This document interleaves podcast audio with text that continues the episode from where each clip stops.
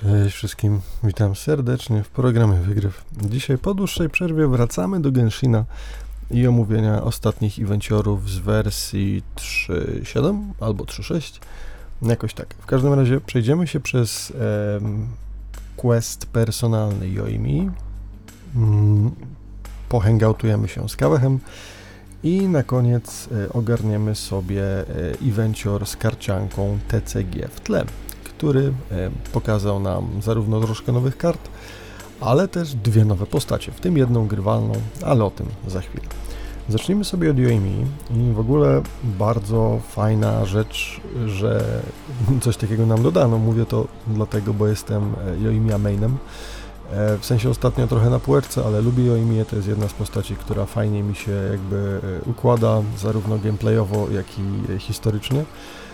I jest to pierwsza postać, która poza Archonami do tej pory dostała chyba swój drugi quest personalny, więc nie wiem czemu tak, ale fajnie, bo i pasuje jakby i do Yoimi, i do Sumerów, w którym jeszcze przez chwilę sobie jesteśmy, zanim wyruszymy na podróż do Sand Fontaine.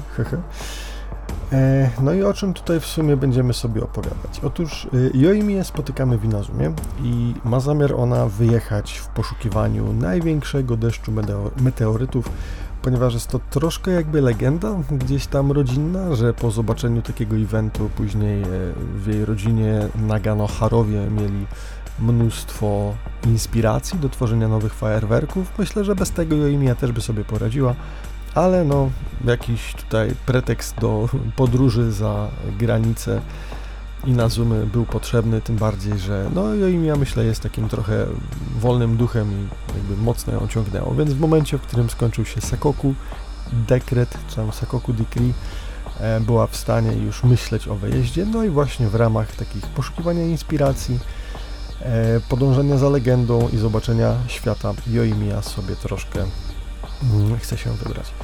I podobno na początku traktowała to trochę jako żart, ale ostatecznie y, wszyscy słysząc o tym, że się wybiera, próbując znaleźć jak największy deszcz meteorytów, y, ludzie zaczęli przychodzić do Joimi. A że ma kontakt z wieloma osobami bardzo dobry, no to dużo osób zaczęło do niej w tym celu właśnie przychodzić i zostawiać swoje życzenia. No bo jakby, wiecie, spadające gwiazdy, życzenia i tak dalej. A skoro już będzie taki wielki event, no to pora to jakoś y, no, y, uskutecznić, więc dla Joimi wszyscy, a przynajmniej bardzo dużo osób na karteczkach przynosi jej właśnie swoje życzenia zapisane, żeby w razie zobaczenia tego deszczu meteorytów była w stanie ich życzenia pchnąć aż do gwiazd. No i początkowo, wiecie, jakby y, wyjazd opisany jako żart stał się w sumie no, całkiem solidną misją, którą Joimia bierze śmiertelnie, poważnie więc no cóż, nie ma teraz wyjścia i wycofać się nie może. Problem niestety jest taki, że nie do końca wie, gdzie rozpocząć swoją podróż, ponieważ jakieś wielkie deszcze leonidów czy innych meteorytów raczej nie zdarzają się zbyt często. E, ale na szczęście jesteśmy tam my, w sensie e, Ether oraz Paimon. No i sugerujemy, że jesteśmy w stanie w sumie troszkę w tym pomóc może niekoniecznie z własną wiedzą i doświadczeniem, natomiast proponujemy, że jest w Sumeru osobny wydział na Akademii, który zajmuje się gwiazdami, więc być może ruchy ciał niebieskich będziemy w stanie przewidzieć na podstawie ich na przykład obliczeń. E, no i na początku gdzieś tam e, rodzina chyba Ryusuke, tak się nazywa chyba ojciec Yoimi, gdzieś tam nie był specjalnie E, zachwycony tym pomysłem, ale w momencie, w którym jakby renomowany bohater Inazumy e, ma jego córkę gdzieś wspierać w tym wyjeździe, no to jakby wszystko, e, wszystko się dodaje i nie ma już żadnych oporów przed tym, aby jego córa pojechała. W sumie Yoimiya wydaje się być nieco bardziej, no, jakby zaniepokojona tym, żeby ojciec brał swoje leki i tam, nie wiem, coś pomagał matce. No ale Joimiya pomimo to wydaje się być również zapalona do całego wyjazdu. I tak statkiem y, płyniemy sobie przez prawdopodobnie godzinki, jeżeli nie dni. Nie wiem w sumie jak tam podróż. Nie, no mam jakąś magię, więc pewnie dni to nie trwało. Pewnie ileś tam godzin płyną sobie do, do Sumeru w tym czasie. Iter oraz Paimon napełniają głowę Yoimi informacjami o lokalnych legendach, zwyczajach, o tym, co zobaczyć można, co zobaczyć trzeba i jak w ogóle tutaj ta e, no, historia Sumeru z naszym udziałem się rozwijała. Joimia oczywiście jest zachwycona już samą wielkością portu Ormos, e, bo co prawda słyszała to wszystko, ale no, zobaczenie tego na własne oczy robi osobne, no, dużo większe wrażenie.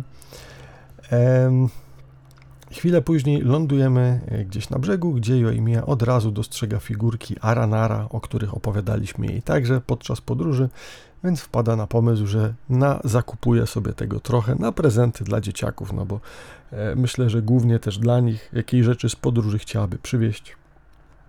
I tak tutaj e, właśnie zakupuje sobie troszkę tego. E, później udajemy się do, razem z Joimią do Sumeru City, gdzie no, ten szok jeszcze się pogłębia, ponieważ jest to miasto no, dużo większego kalibru niż sam port Ormos.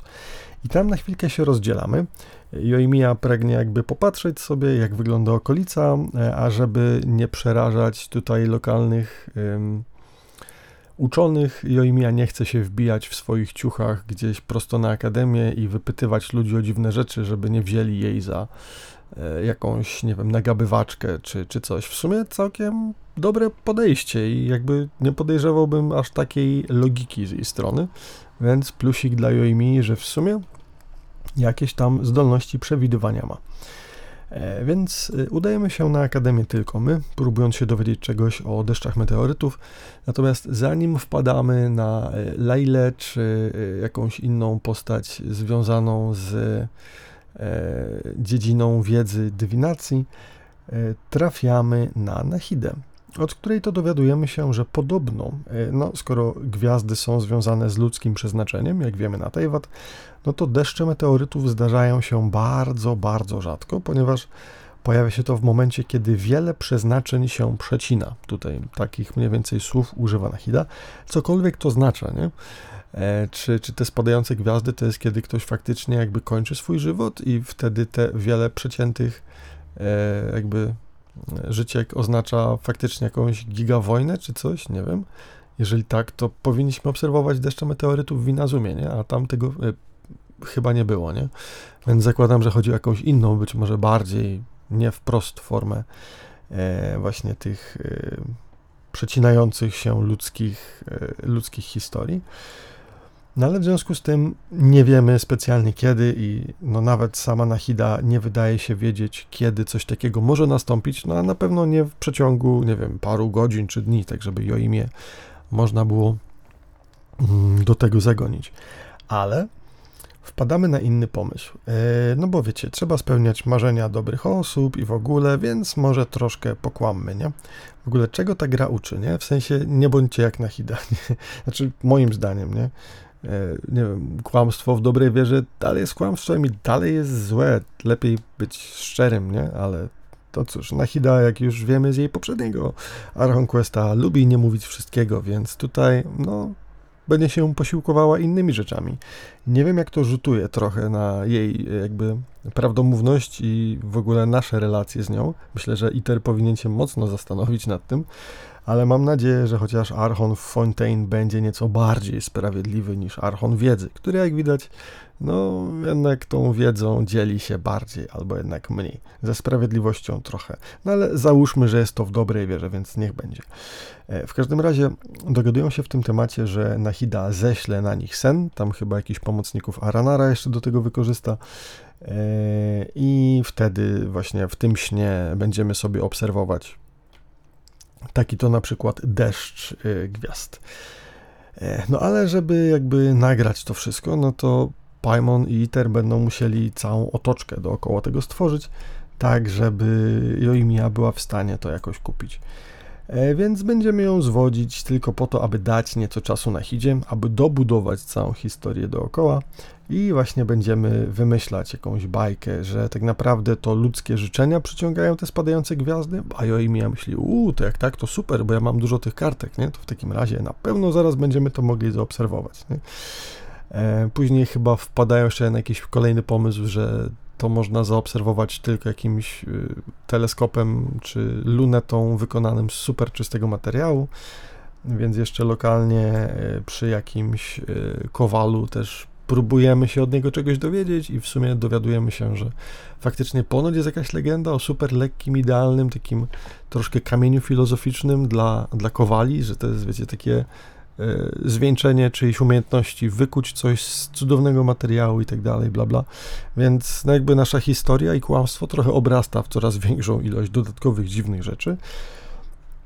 E, no i całą drogę praktycznie plątamy się w tym wszystkim. Jeżeli Joimia się nie połapała, to jestem w szoku, ale nie wiem, jakby pracuję z dziećmi, więc powinna tego typu rzeczy wyłapywać. Tym bardziej, że ani ITER, ani Paimon nie są, myślę, specjalnie dobrzy w tego typu zagrywkach. E, poza tym, co to za logika, nie? że dobrym ludziom e, należy się to, na co zasługują, więc okłamiemy ich, żeby byli szczęśliwi. Nie? Jakby nie podoba mi się ta część tego questa, ale na szczęście druga część będzie to troszkę ładniej uzasadniać. W sensie, nie zrozumcie mnie źle, w jakichś takich sprawach, powiedzmy, gdzie można więcej napsuć niż jakby poprawić. Może warto nie mówić wszystkiego. No, no wiecie, no to, to, są jakby kwestie moralne. Nie co ja wam będę o moralności mówił. Nie znam się na tym specjalnie za dobrze. Ale dla porównania, na przykład w Star Railu była podobna sytuacja, tu żeby nie spoilować tym, którzy będą grali, jakby nie wejdę w szczegóły. Ale tam pod koniec Jarilo też była rozkminka, czy jakby e, podzielić się prawdą i ryzykować niepokoje społeczne, E, czy może jednak żyć w błogiej nieświadomości i jakby nie powodować żadnych konfliktów, nie? Więc na takim etapie myślę, że można zacząć rozważać w ogóle coś takiego jak, nie wiem, mówienie jakichś dziwnych rzeczy, które niekoniecznie są prawdą, ale no tylko po to, aby komuś było miło, no nie wiem, jakby ktoś mnie okłamał w dobrej wierze, myślę, że mi było smutno raczej niż miło, jakbym się dowiedział, nie? Więc no cóż ale jestem przekonany praktycznie, że Joimia będzie w stanie rozczytać te nasze y, dziwne, głupie, śmieszne i trochę żenujące kłamstwa. W każdym razie, kiedy już nasz plan okłamania Joimi, bo tak to myślę warto nazwać, e, się yy, zamyka, wracamy do niej i zauważamy, że rozmawia z jakąś dziewczynką, która jeździ na wózku. No ma jakiś niedowład nóg z tego, co na tą chwilę obecną widzimy. E, żegna się z nią, a po chwili jakby opowiada nam jakby co zaszło. No i mówi, że znalazła ją gdzieś załamaną, na tym wózku właśnie, która się w ogóle nie odzywała i tak dalej.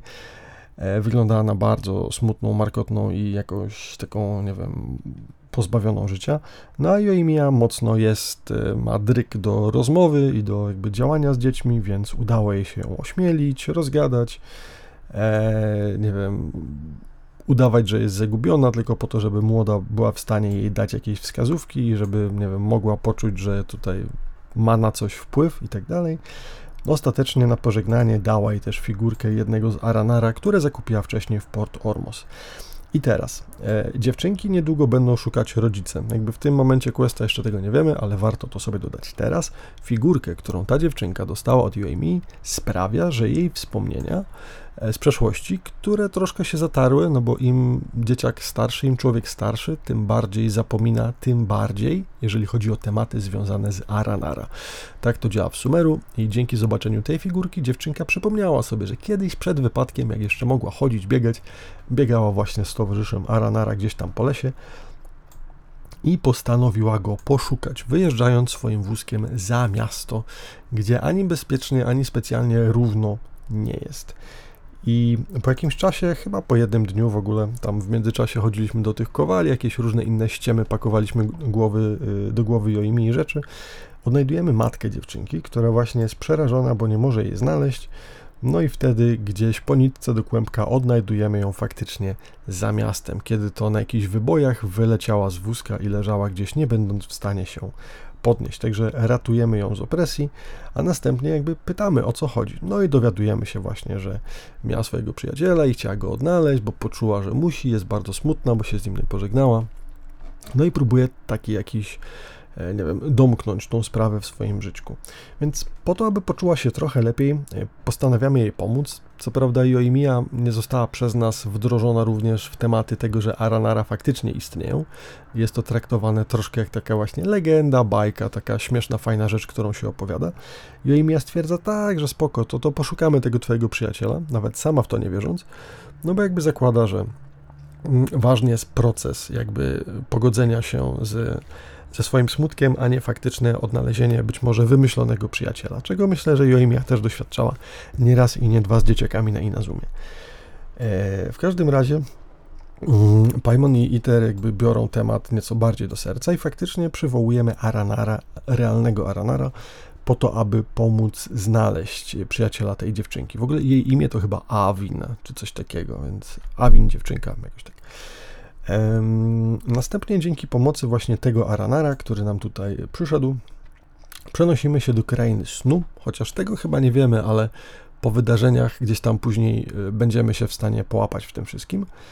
E, biegniemy właśnie e, za, za dziewczynką, za Joimią, no i próbujemy razem z tym naszym Aranara znaleźć przyjaciela dziewczynki. Co oczywiście się udaje. Jest bardzo ładna, fajna scena pojednania, gdzie właśnie młoda przeprasza, płacze, że ona nie chciała, ale zapomina, e, no bo tak to jest i że nie mogła go odwiedzić, bo miała wypadek i te nogi. Naprawdę taka troszkę wzruszająca, przejmująca historia. Ale oczywiście Aranara nie ma dziewczynce nic, y, tamten konkretny jej przyjaciel nie ma tego jej za złe, no bo jakby wie, że tak to wszystko wygląda. I myśli, że ostatnią rzeczą, którą chciałby dla niej zrobić, no bo nie wiadomo kiedy się jeszcze zobaczą, to jakby przypomnieć i pomóc przypomnieć jej sobie radość, tak i wspomnienia, które dla Aranara, jak pamiętacie, są głównym źródłem energii i praktycznie celem ich życia. Więc skoro Awin obecnie tego nie ma, w związku z wypadkiem, który miała, i jakby jej chęć do życia, i motywacja, i radość jest prawdopodobnie w minimalnym punkcie, jak na całe jej żyćko, ten jej właśnie e, zielony przyjaciel ma zamiar pomóc jej to wszystko mm, odnaleźć. Yy. I później wygląda to w sumie tak, jakbyśmy wrócili do świata realnego. Tak wszystkim się wydaje, że, że, że się udało, ale ostatecznie e, wychodzi na to, że nie wracamy, ponieważ scena, którą zaraz będziemy oglądać, jest maksymalnie nierealna, ale oczywiście bardzo piękna i zarówno e, Awin, jak i Joimi e, dostarczy dużej ilości radości i wspomnień, które dadzą jej siłę gdzieś tam w przyszłości. Wydaje mi się w ogóle, bo tak były dwie chyba sceny, kiedy Awin wstaje na nogi. Jedna to była, kiedy chyba spotkała tego swojego przyjaciela. Najpierw, aby go spotkać, ten inny Aranara, którego przywołaliśmy, poprosił o to, żeby wstała. No i skoro był to sen, to miała siłę wstać, no bo był to tylko sen, więc jej blokadą była tylko jej świadomość. Udało się to uzyskać, wtedy właśnie spotkała tego przyjaciela i tak dalej. Później niby kiedy wrócili do Reala, dziewczynka znowu siedzi na wózku, no ale pojawia się właśnie wspomniany wcześniej deszcz meteorytów. E, no i oczywiście nie są to normalne meteory, tylko te przyzwane przez, y, przez Nahidę e, wewnątrz snu, czy być może gdzieś tam przez Aranarę ogólnie. E, no i nie są to spadające gwiazdy, tylko bardziej wzlatujące gwiazdy, bo spadają, znaczy spadają, wylatują one gdzieś z podłoża w górę. W ogóle jest piękna animacja, chyba jedna z moich ulubionych, e, takich pozytywnych, jeżeli chodzi tutaj o, o, o przekaz. No i właśnie takie różnego rodzaju gwiazdki wylatują z podziemi i lecą wysoko do góry. E, co robi pierwsze Joimiya i, i Iter? No jeżeli widzą coś takiego, tak, to wskoczmy na kometę, bo jazda na meteorze to jest bezpieczne i fajne i w ogóle ja, jak te dzieci z tobą przeżyły, to ja nie wiem. No, ale oczywiście robimy coś takiego. E, chwilę później tamten przyjaciel Aranara, Awin, również ją bierze za rączkę, ona też wstaje chwiejnie z wózka i razem wskakują na kometę i pędzą sobie razem wewnątrz. Chciałoby się powiedzieć, e, oglądając spadające gwiazdy, ale to bardziej wzlatujące e, są gwiazdy. No i właśnie dlatego, że Awin wstała, zakładam, że jest to sen. Poza tym jazda na komecie też chyba nie jest rzeczą jakby całkiem normalną. Nie? I w sumie brzmi to może wszystko trochę dziecinnie, jak tak teraz o tym mówię, ale nie wiem, muzyka, atmosfera, te wszystkie dialogi, nie wiem, emocje na twarzach postaci naprawdę wyglądają rewelacyjnie i no myślę, że dość wzruszająca jest to, e, jest to scenka. Mm, I w sumie chyba o to chodzi w Genshinie, tak mi się wydaje, o te emocje, bo ostatnio próbowałem sobie kminić o tym, co mnie trzyma w ogóle przy grach Hoyo, ale to jakby, żeby nie zanudzać tutaj, chyba przejdę to w jakimś innym odcinku. W każdym razie brakuje mi w Genshinie ciągłości, nie? bo jakby każda historia jest czy tam każdy rozdział opowiada o jakimś kraju i jedynymi postaciami, które się przewijają wewnątrz tych krajów jest nasz główny bohater, Paimon i czasami Dineslave. Natomiast brakuje tego połączenia, żeby, nie wiem, przynajmniej Archonin czy jakieś inne postacie się przejawiały w tych dalszych questach. I to nie mówię teraz o eventach, tylko o tej głównej fabule. Nie? Tego mi właśnie strasznie brakuje. I tutaj dużą wyższość e, widzę w e, Honkai Impact, w, w trójce. Nie? nie wiem, jak to będzie się działo w e, Star Railu, bo tam też po opuszczeniu Jarilo jakby później te, te postacie chyba nie wrócą do nas w trakcie gdzieś tam kolejnych podróży, ale no jakby to nie jest chyba problemem, bo mimo wszystko właśnie po tym evencie zorientowałem się, że te emocje, które Genshin sprzedaje są po prostu świetne i nawet jeżeli nie jest to cały czas ten sam zestaw postaci, no bo podróżujemy po krajach, spotykamy różne osoby i one jakby nie zawijają się z nami w tabor i nie jedziemy później coraz większą ekipą, to i tak jest to myślę super i, i warte obejrzenia. No, i w sumie dzięki tej całej scence i sytuacji Joimiya e, doświadcza spadających gwiazd, chociaż nie wiem, czy do końca jej o to chodziło. Awin motywuje się, aby e, mieć właśnie e, no, motywację do swoich dalszych, do rehabilitacji i w ogóle. A, jeszcze czekajcie, co do samej tej, co do samej animacji, to jest tam chyba coś takiego, że w momencie, w którym oni wzlatują już ponad chmury chyba na tych gwiazdach, nagle Joimiya spada i w ogóle się nie przejmuje tym, że spada, bo podziwia sobie dalej te lecące gwiazdki.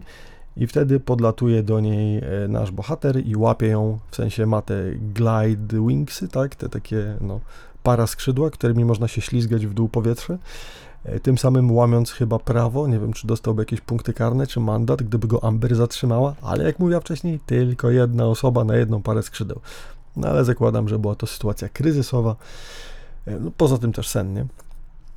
No, ale y, właśnie y, Iter łapie Joimię i z nią zlatuje na dół, a y, Avin jest łapana przez Paimon oraz stworka Aranara i zlatują sobie razem w dół.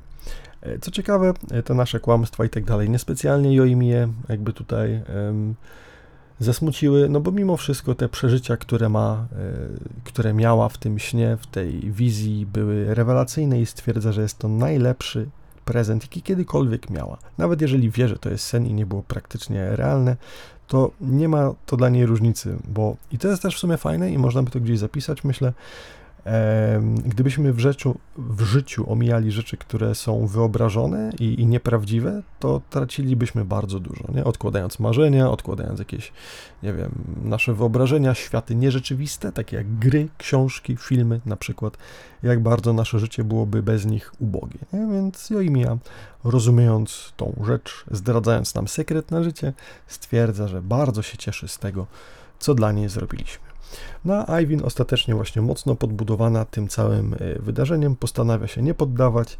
E, jakby te wszystkie emocje i wspomnienia dadzą jej siłę po to, aby e, udać się na rehabilitację z nową mocą oraz wiarą, a jej marzeniem kolejnym jest dostać się do Inazumy i zobaczyć fajerwerki Joimi. I to jest koniec tej historii, natomiast mamy jeszcze dwie.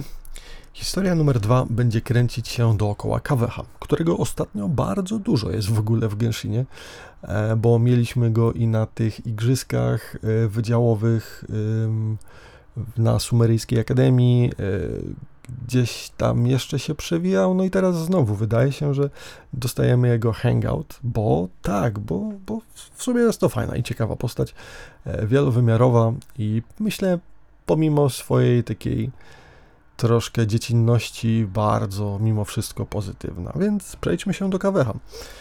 E, spotykamy go w momencie, w którym spiera on się ze swoim klientem. Jak pamiętamy, Kawech jest najbardziej obecnie szanowanym i uzdolnionym i prawdopodobnie poważanym architektem, przynajmniej w Sumeru, który dokonał wielu, który popełnił wiele pięknych budynków i prawdopodobnie e, wiele jeszcze przed nim. Natomiast problemów ma sporo, jak pamiętamy z poprzednich opowieści. No ale tutaj jakby e, rozmawia ze swoim klientem na temat właśnie budynku, który ma mu zaprojektować.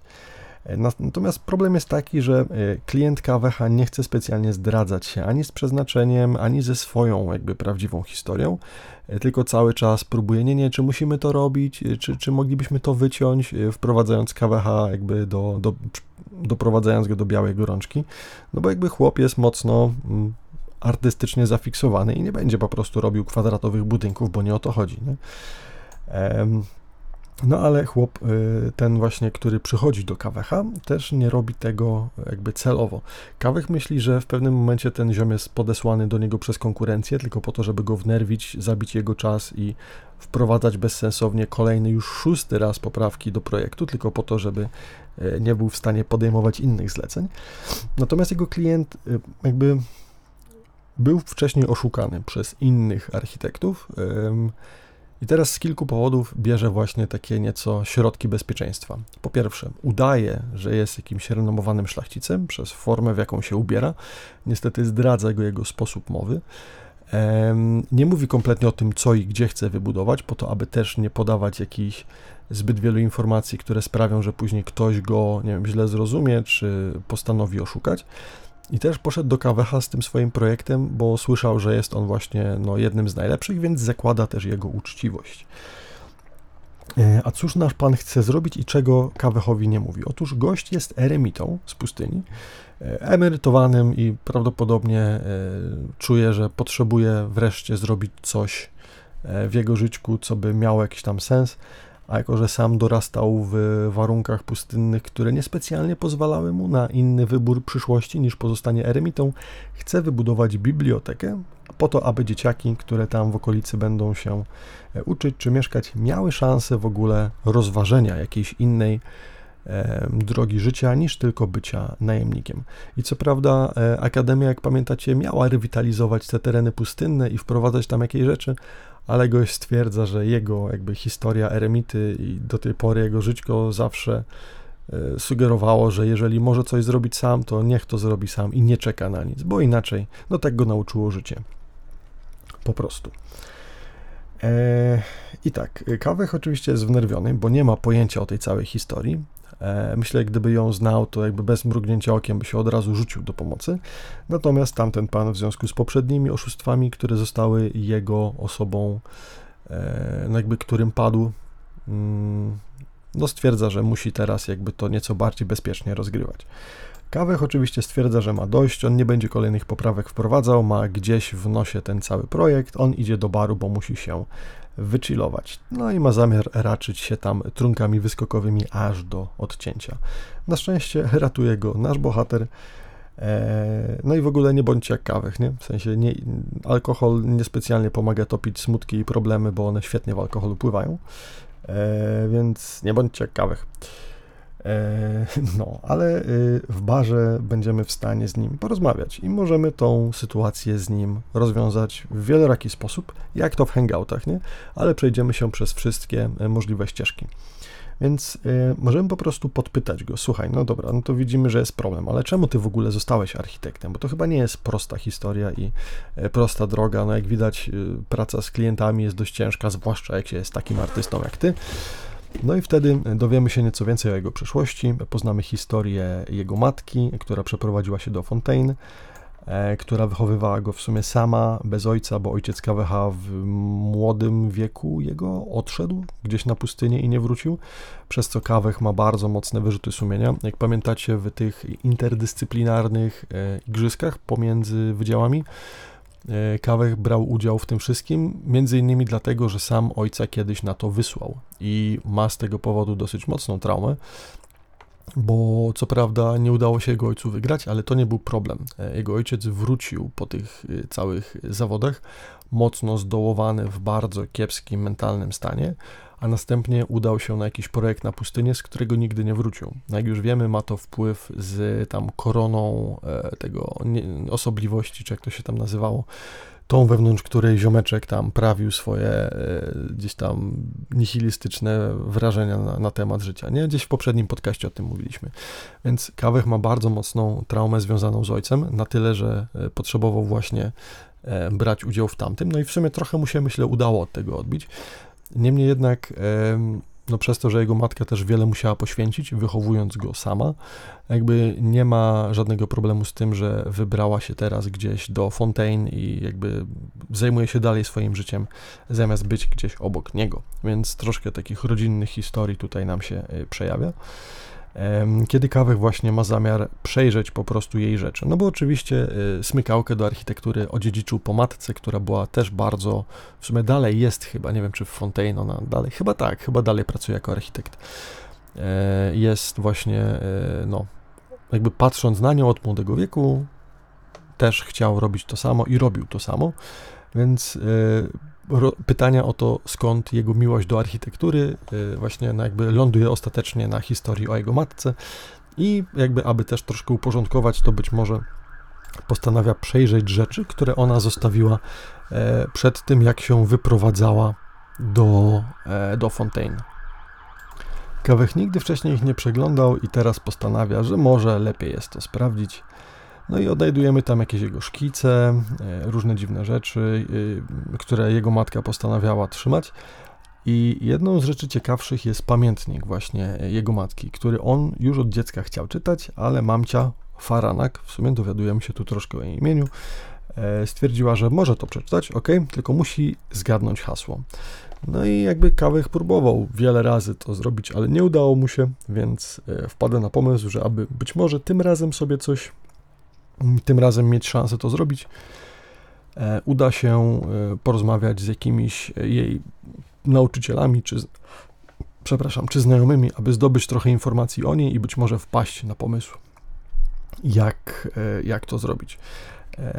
Chyba na początek idzie w ogóle do biblioteki, nie wiem po co, ale właśnie w House of Dena, czyli bibliotece e, Akademii.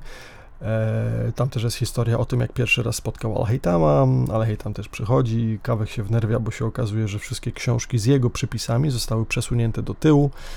E, widocznie tak działa Akademia w Sumeru, że macie książkę i możecie po niej pisać, jeżeli jesteście mądrzy. Nie wiem, kto to ocenia, ale no, jakby Kawek mocno był zniesmaczony tym, że jego książki zostały przesunięte do tyłu. Oczywiście Al-Haytham też mu w tym pomógł.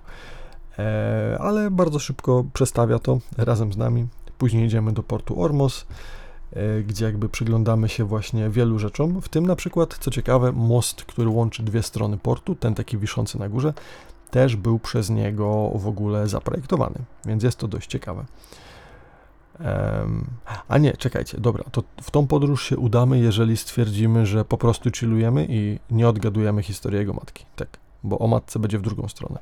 Dobra. E, I jeżeli przy, przyoglądamy się już y, portom i latarnią w Port Ormos, ostatecznie lądujemy na pustyni, które jest jakimś takim miejscem spokoju. No jak pamiętamy, Kawek przez ostatnie lata właśnie sporo projektów związanych ze starożytną architekturą prowadził, gdzieś w ramach researchu e, właśnie w okolicach pustynnych, dlatego też go nie było podobno podczas kiedy to my mieliśmy nasz e, ulubiony dzień świstaka w Sumeru City.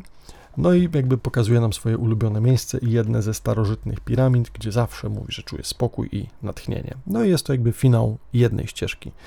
E, jeżeli natomiast, tak jak mówiłem wcześniej, postaramy się e, o to e, hasło, jakoś będziemy chcieli je sobie wymyślić, będziemy podróżować i poszukiwać informacji o przeszłości jego matki, w międzyczasie wpadając też na Tinariego, który zaprasza nas na spotkanko.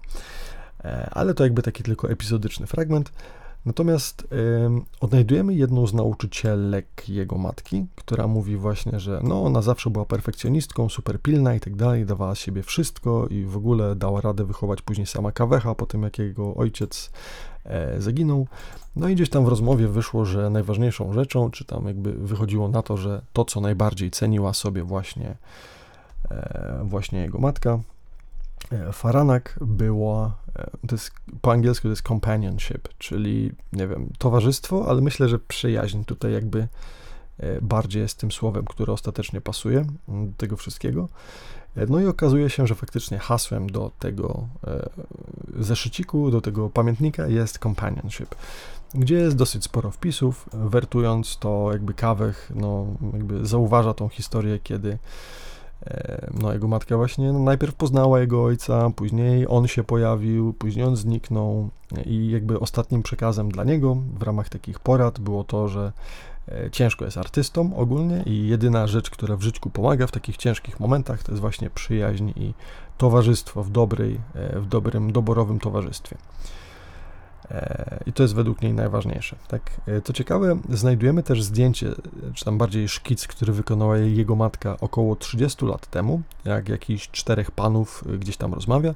Było to właśnie jedno z takich spotkań towarzyskich, na które kiedyś poszła ze swoim mężem, które wydawało się kompletnie nijakie, ale później widocznie nabrało, też tam te postacie nabrały dla niej nowego znaczenia i zaprzyjaźnili się. Były tam trzy pary i jeden pan samotny. I patrząc na tych panów, czterech, których naszkicowała właśnie Faranek, jestem niemalże pewien, że widzimy tam ojca Tinariego, e, ojca Kawecha, profesora Cyrusa, e, który byłby tutaj niejako adoptowanym, e, no, adoptowanym, który później adoptował Saino niejako, oraz ojca Al-Heitama.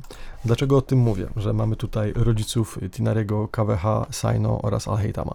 Ponieważ dokładnie w takim samym układzie za chwilę wszyscy spotkają się u Tinariego. I o ile wcześniej po tym spotkaniu z nim Kawech trochę uważał, że znajdzie sobie jakąś wymówkę i nie pójdzie, bo ma dosyć, on jest zdołowany, nie chce mu się, jakby postanawia wziąć sobie rady swojej matki do serca e, i faktycznie idzie na to spotkanie, gdzie niemal w takim samym układzie jak 30 lat wcześniej, teraz się spotykają. E, a z jakiego powodu? Otóż imprezka jest y, jakby z dwóch powodów nakręcana. Po pierwsze, y, jest to świętowanie ukończenia pierwszego etapu studiów kolej. Jest to taka imprezka podziękowalna, a z drugiej strony mm, Tinari ma też zamiar dowiedzieć się i zrobić burzę mózgów na tem, natomiast tego, no jak tą drugą część jej studiów poprowadzić, która jest ponoć dużo bardziej zaawansowana i dużo bardziej ciężka. Ciekawe w ogóle jakie są etapy, nie? Czy tak jak my to znamy, że jakieś lata, czy nie wiem, pierwszy etap studiów to inżynierka, czy, czy jakiś ten licencjat, a później dopiero magister? Nie wiem. No ale kolej przynajmniej wiemy, że poradziła sobie w tej pierwszej części. E, inną historią, którą możemy, może innym zakończeniem, do którego możemy dotrzeć, jest to, że zaproponujemy w ogóle Kawechowi zmianę kariery. Na zasadzie, dobra chłopie, tak bardzo cię to drażni, jesteś tak bardzo niepocieszony tym, co robisz, to może weź e, kredyt i zmień pracę. Jak radził pewien mądry albo niemądry, to już sami ocencie pan swego czasu u nas. Gimby nie znają, nie? Ale trudno. Taki żarcik, nie wprost. E, więc możemy wtedy, e, jakby wtedy poznamy historię innego kolegi mm, Kaweha z jego akademii, e, Sempaja niejako, który prosperuje całkiem dobrze, w dosyć mocnym kontraście do zadłużonego po uszy. E, I w jaki sposób dorobił się ten pan pieniążków? Otóż prowadzi on szkołę w Port Ormos dla architektów. Wiecie, takie kursy, nie? No w sumie nie pracuje jako akademicki nauczyciel, ale ma taką no, e, jakąś mini szkółkę, gdzie tam do 20 osób naucza on właśnie ponoć architektury. E, I z jednej strony brzmi to jak spoko pomysł, bo mówi ziomeczek, no, że on nikogo nie dyskryminuje, e, wszystkich przyjmują, nie to co akademia, że musisz być super mądry, my tu nauczymy was wszystkich jak chcecie i nie ma z tym problemu, nie? No, brzmi to fajnie, ale nie jest to e, robione, jak widać, non-profit, ponieważ nie tylko wszystkich bez dyskryminacji przyjmują, ale też wszystkich bez dyskryminacji oszukują.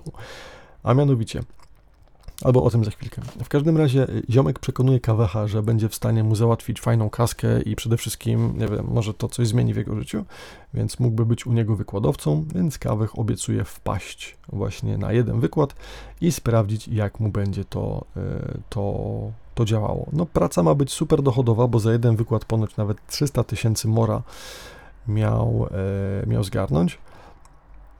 Mm, no ale właśnie... Jak tutaj, e, na czym polega oszustwo? E, przyjmowani są wszyscy praktycznie do tej jego szkółki, e, ponieważ są wiedzeni, może tak, przychodzą tutaj, bo widzą, że ziomek ten, który ma tą szkołę, jest architektem i ma mnóstwo siana, tak? Tylko jego sianko nie pochodzi z tego, że jest architektem i robi super projekty, tylko pochodzi z tego, że ludzi po prostu oszukuje na kasę. A mianowicie, robi on to tak, że wszyscy widzą, że jest bogaty, więc mówi: Zostań architektem jak ja, będziesz bogaty albo bogata. No i faktycznie wszyscy do niego przychodzą, ale żeby sprostać i być w stanie opłacić ten cały jego kurs, potrzeba kilku milionów mora na to. No ale jakby logika jest taka, no wiesz, no jakby zostaniesz tym architektem, to spłacisz ten dług w 2-3 lata, nie? Co jest oczywiście kłamstwem, bo gość doskonale zdaje sobie sprawę, że życie architekta, przynajmniej w Sumeru albo na Teyvat ogólnie, proste nie jest i raczej nie jest kopalnią złota. Między innymi dlatego ten ziomek nie robi teraz projektów, tylko właśnie kręci się tutaj i jakieś lewe biznesy nakręca. Więc w momencie, w którym już przekona ludzi, powie, słuchajcie, no wiecie, to, to jest drogi kurs, ale on jest warty, ja was tutaj przekażę do, do mojego ziomeczka, który wam to poradzi, tylko nie mówcie nikomu, nie? W ogóle, jeżeli ktokolwiek w waszym życiu mówi y, coś, nie mówcie nikomu, to to jest bardzo dobry znak, żeby się nad tym wszystkim zastanowić i prawdopodobnie komuś albo wszystkim powiedzieć, nie?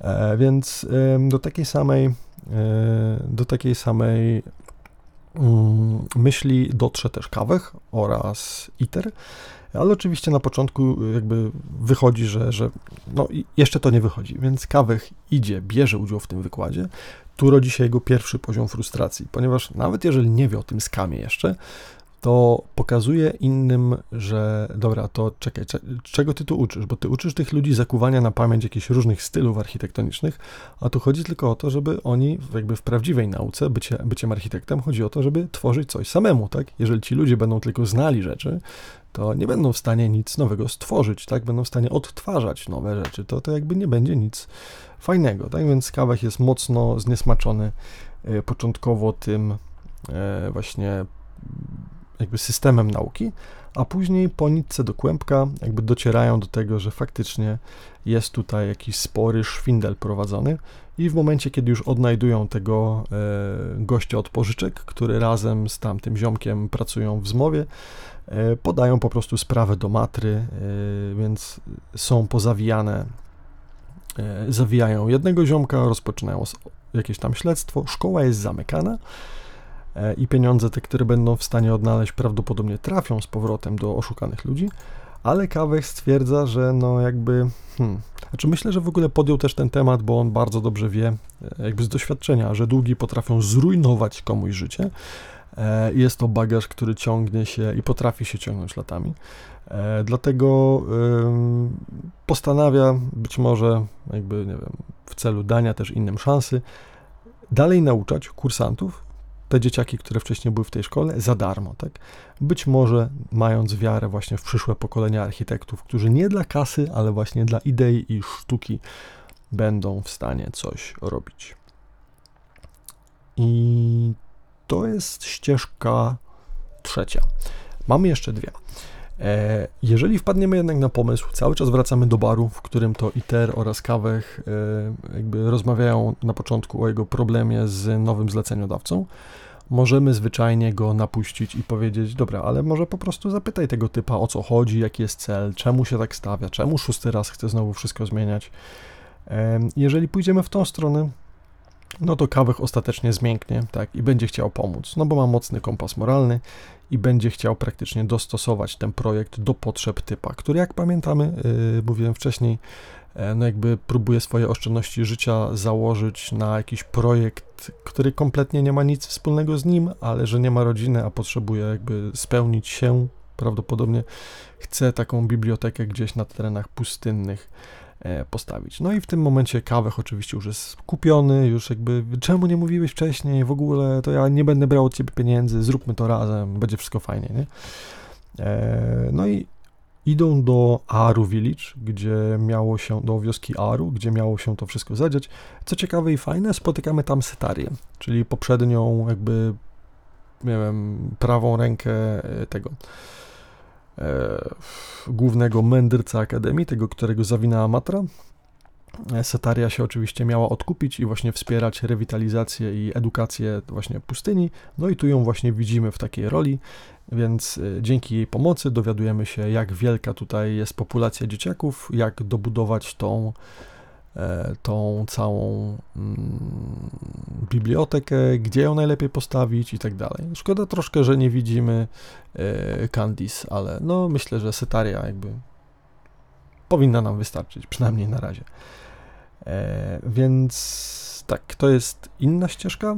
Ścieżka przedostatnia jest taka, że A nie, to już jest ostatnia chyba.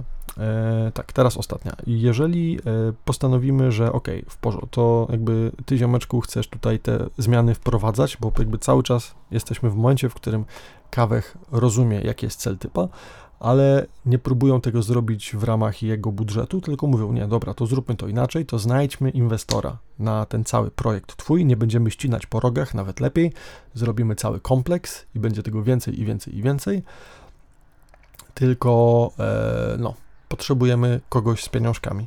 No i oczywiście, kto ma najwięcej pieniążków w okolicy? Jest to nasza ulubiona pani e, handlarz Dori. E, oczywiście Dori ma dość ciężki problem z kawechem i kawech bardziej chyba z Dori niż ona z nim, e, więc nie jest specjalnie tym y, przekonany, ale przynajmniej wie, że ma kontakty, więc przez kontakty, które ma Dori, próbujemy z trzema różnymi inwestorami e, porozmawiać o tym, co tam jest, gdzie tam jest, ale ostatecznie nikt z nich nie jest specjalnie zadowolony, bo co prawda mogłaby przynieść e, taka, no nie wiem, biblioteka czy cały kompleks naukowy podnieść poziom życia, a później jakieś warunki ekonomiczne, więcej też zyski ewentualnie w danym miejscu podnieść, jeżeli ktoś by tam inwestował więcej.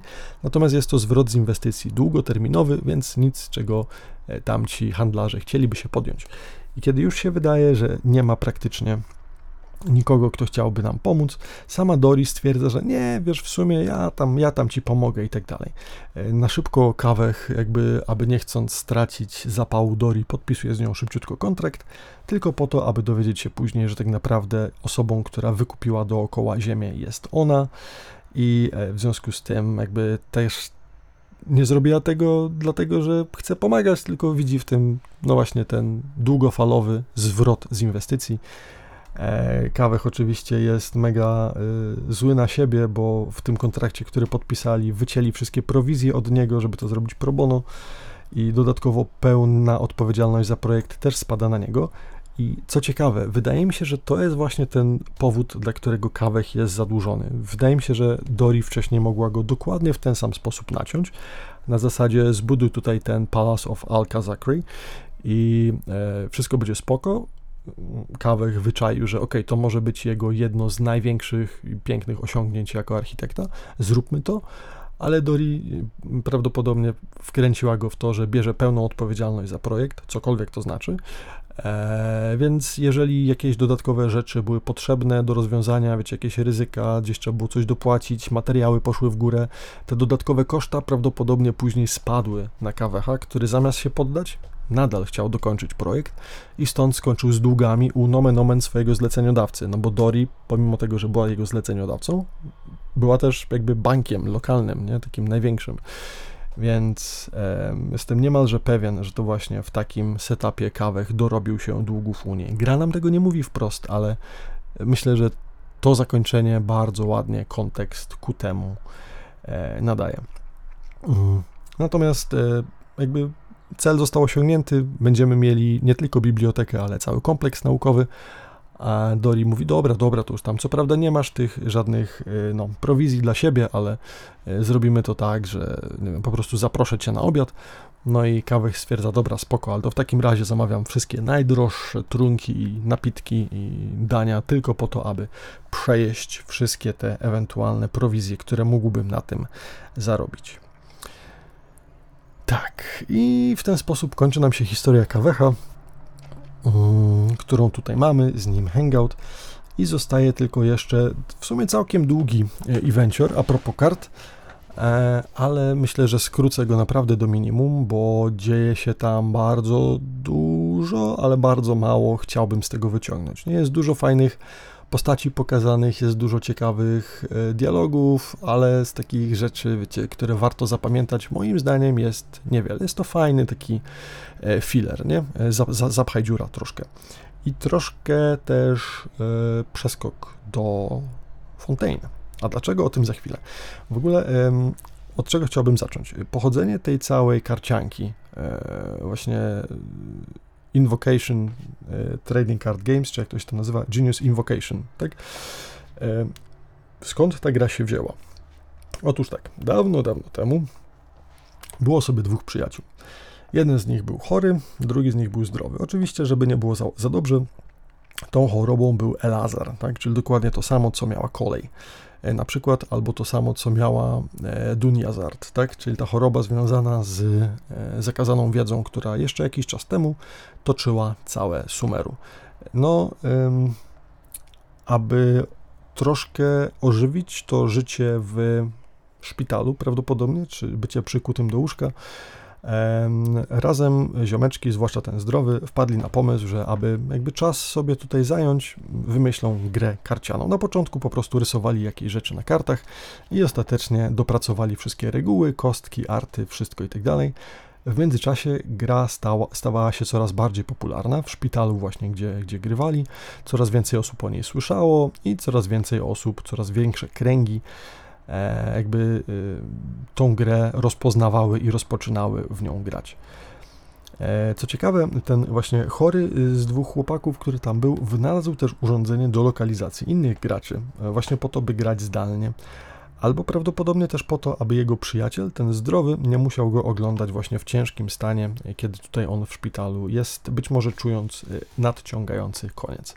No, nomen omen, dwaj ci panowie y, tą grę jakby stworzyli, tak? Y, nie dla zysku, nie dla, nie wiem, nie dla pieniędzy i sławy, tylko właśnie jakby z potrzeby chwili. No i niestety właśnie e, ten zdrowy nie mógł znieść e, świadomości, że jego przyjaciel niedługo odejdzie, ostatecznie ich kontakt się urwał, ale gra cały czas w międzyczasie zyskiwała na popularności aż do tego stopnia, że pojawiły się właśnie mistrzostwa. Mistrzostwa, na które przypadkiem trafiamy wracając do Mont, e, kiedy to dowiadujemy się właśnie o turnieju kart. I bardzo jestem ciekawy, że tutaj niby grając ze wszystkimi w te karcianki i w ogóle będąc w centrum zainteresowania, nagle omijamy coś takiego, ponieważ dowiadujemy się, że są już tak naprawdę rozgrywki finałowe i nie jesteśmy w stanie się na to wszystko sami zapisać. I o tym mniej więcej będzie ten cały evencior, o właśnie igrzyskach, czy tam mistrzostwach karcianych e, na Teyvat. E, dwie nowe postacie, nie? Wspominałem, że będziemy mieli. Jedna z nich to Kirara, czyli słodki kotołak z Inazumy, albo bardziej yokai, czy Nekomata. E, no jest to, co ciekawe, przedstawicielka firmy kurierskiej z e, Inazumy, która się nazywa Komiya Express i teraz pierwszy raz chyba właśnie jakieś międzynarodowe zlecenia się tutaj pojawiają dla niej. E, więc Kirara jako właśnie yokai e, swoją prędkość ma nieporównywalnie większą niż inni pracownicy tej firmy, dlatego została wysłana, aby przekazywać paczki właśnie poza Inazumą. E, co ciekawe, poza standardowymi e, kotowymi, że tak powiem, rzeczami czy aspektami, które ma, czyli uszki, łapki, w sensie te kopytka, znaczy no, nogi, spód, ręce ma chyba ludzkie, nie? Chyba tak. E, to ma dwa ogony. Fajnie się obserwowało scenkę z Dioną, kiedy gdzieś tam właśnie rozmawiały. No, że jak ty będziesz duża i w ogóle, to też ci kiedyś drugi ogon wyrośnie. No ale ostatecznie doszły do wniosku, że jednak chyba e, niekoniecznie tak to może zadziałać. No bo jednak e, no, w Inazumie są yokai, w Mondstadt niekoniecznie. Więc to jest jedna z nowych postaci, która jest w sumie grywalna od, od niedawna. A chociaż postać, która nieco bardziej mnie intryguje, e, a która grywalna nie jest, ale mam nadzieję, że grywalna będzie już całkiem niedługo, to Charlotte, e, która jest dziennikarką z Fontaine. E, co robi tutaj? Otóż przybyła właśnie, aby zrobić artykuł na temat karcianki. Wygląda. Jak wygląda? Mm, nie wiem, jakiś długi, bordowy mundurek i krótkie shorty, czapka z piórkiem, monokl i chyba aparat. To jest aparat czy notesik? Chyba aparat, tak mi się wydaje. W każdym razie y, strasznie mi przypomina 7 marca ze Star Raila. Nie wiem, może dlatego, że ma różowe włosy i aparat i w sumie charakterem też trochę pasuje, ale chyba na tym podobieństwa się kończą. E, w każdym razie, pani ta jest właśnie kolumnistką ze Steambirda, czyli najbardziej wydawałoby się popularnej, a przynajmniej jedynej, o której ja pamiętam, gazecie wydawanej na Teyvat czyli właśnie Steambird, który jest, no jakby różne rzeczy gdzieś tam opisuje ta gazeta, no i właśnie y, Charlotte również do tego pisze. Więc została wysłana tutaj na zrobienie artykułu właśnie w różnych częściach świata, e, ale ponoć jest to dla niej kara, bo w jakimś innym artykule ponoć obraziła kogoś i ma to być jakiś rodzaj kary dla niej. Nie wiem, jak bardzo karać kogoś można, wysyłając go w podróż po świecie, ale widocznie, no, takie chodzą plotki, być może nie ma wcale w tym, e, w tym prawdy. W każdym razie, rozmawiając z tą panią, która od razu nas rozpoznaje jako postać, o której wiele artykułów było pisane w Steamberdzie, e, chce nas troszkę e, wkręcić, aby pomóc jej w rozwiązaniu tajemniczej zagadki złodzieja kart, który pojawia się gdzieś w okolicy właśnie e, przy okazji tego turnieju. No bo jakby sam turniej turniejem, ale zwęszyła dużo ciekawszy temat, o którym można by napisać artykuł.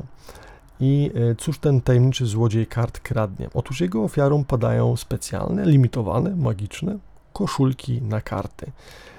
E, I chociaż nie mamy póki co szczegółów w tym wszystkim, będziemy coraz więcej tego odkrywać w ramach e, kolejnych wydarzeń. Co ciekawe, Charlotte przekonuje nas do współpracy, mówiąc, że ona ma dużo koneksji, bo pracuje w gazecie i są w stanie ich skomunikować ze wszystkimi.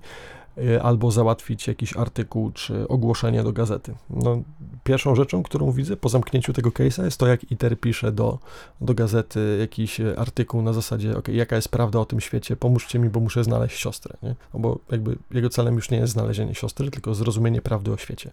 Więc czekam, aż właśnie ITER zacznie pisać do Steamberda.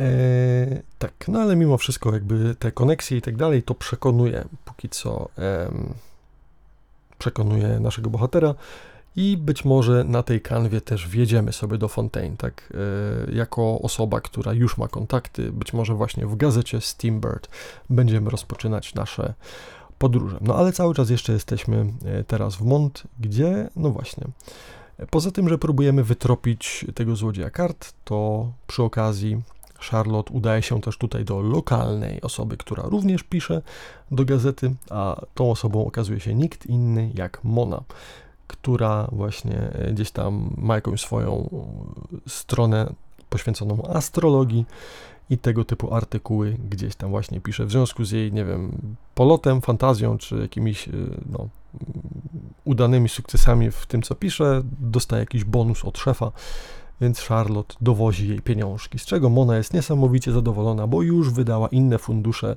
e, które miała wcześniej na rzecz e, jakichś na rzecz aparatury do dywinacji i teraz no, musi, e, ledwo wiąże koniec z końcem, więc pieniążki od Charlotte bardzo mocno jej pomogą.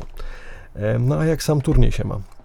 Otóż w finale, ciekawe, poza Kają, który jest jednym z bohaterów, jest też Timmy, czyli ten ziomek od gołębi, który karmi je na moście. Jak się możecie domyślać, Timmy oczywiście wygrywa, bo tak. Ale chłopak jest fajny, miły i szczery, stwierdza, że w sumie wziął udział tylko dlatego, że go mama przekonała, więc całą nagrodę ma zamiar oddać mamie. Tak, dobry synek z Timiego. Zdecydowanie.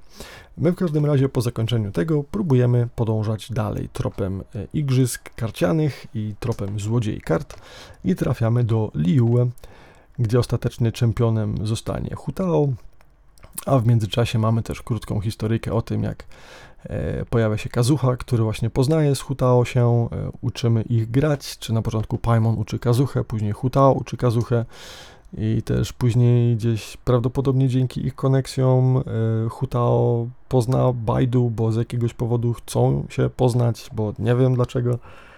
E, I w sumie to chyba tyle. W Liue dość szybciutko sobie. Aha, no jeszcze też y, warto dodać, że pęd do y, pęd do rapowania od strony Hutao i do E, poezji od Kazuchy. Też jakoś właśnie zbliżył te dwie postacie, więc czekam na jakiś kolejny rapowy event, gdzie tym razem Hutao razem z Kazuchą będą sobie razem jechać.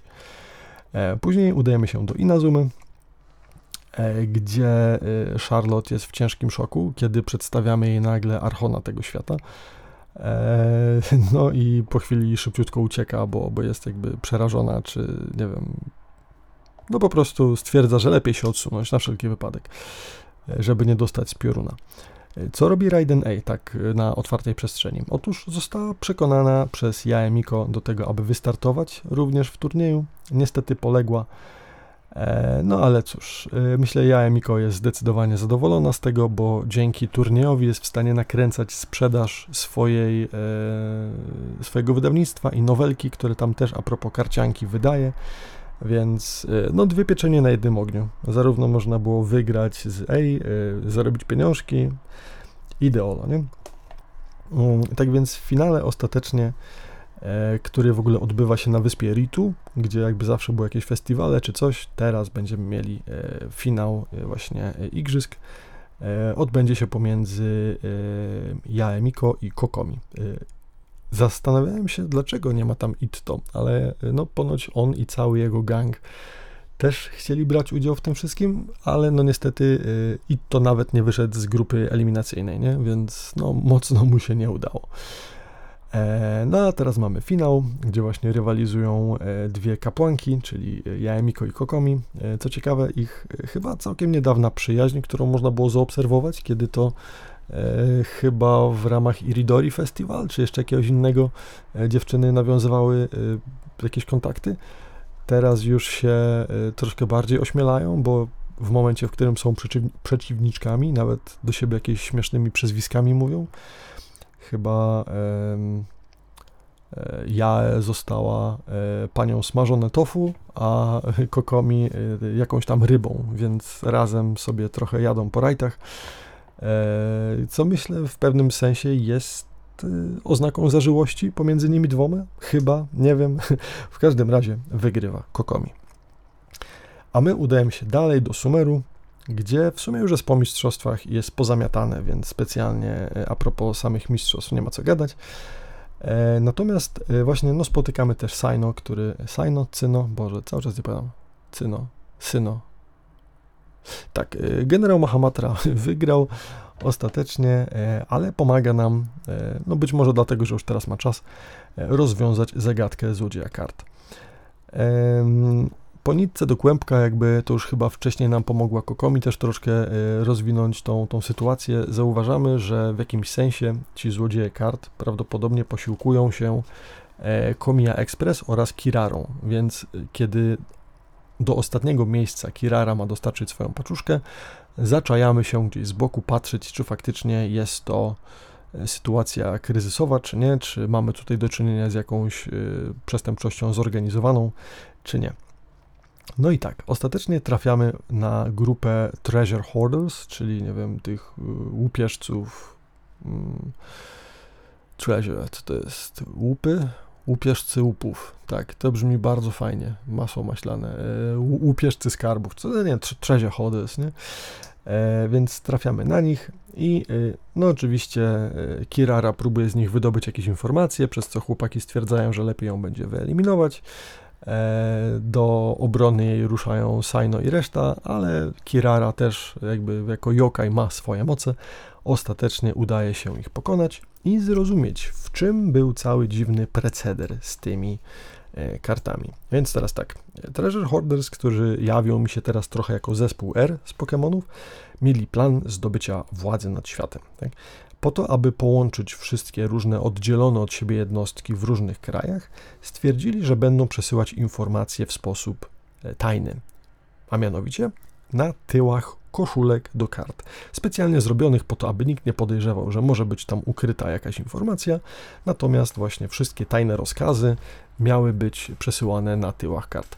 Problem w tym, że niestety y, większość y, tych łupieżców jest troszkę lekko duchami i bardzo duża ilość z nich, y, no jakby wzięła te koszulki, później zrobiła z nich użytek, wsadziła w nie karty, jak się okazało, wkręcili się na tyle mocno, że jakby zarówno chyba organizacja nie będzie już w stanie prowadzić walki i panowania nad światem, bo zwyczajnie wszyscy grają w tą karciankę.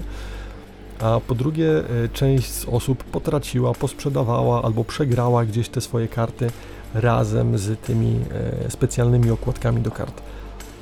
Więc teraz w ramach odkręcania całej dziwnej akcji e, grupa z Sumeru, która prawdopodobnie była mózgiem całej operacji, ogarnia tutaj temat, żeby e, po prostu pozbierać te wszystkie koszulki, żeby nie wydał się ich plan władzy nad światem. No ale jak widać, efekt okazał się odwrotny. E, jakby władzy nad światem nie zdobędą, specjalne koszulki przyprowadziły do nich samego matrę, e, a teraz większość z ich członków jest uzależniona od gry w karty i nie jest w stanie już tego świata, e, światem rządzić. E, I no tak, Saino łapie ich na gorącym uczynku i pakuje do więzienia.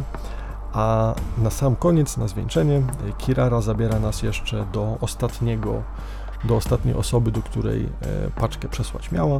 No i właśnie tak jak wspominaliśmy na samym początku, był jeden z dwóch panów, którzy wymyślili tą grę.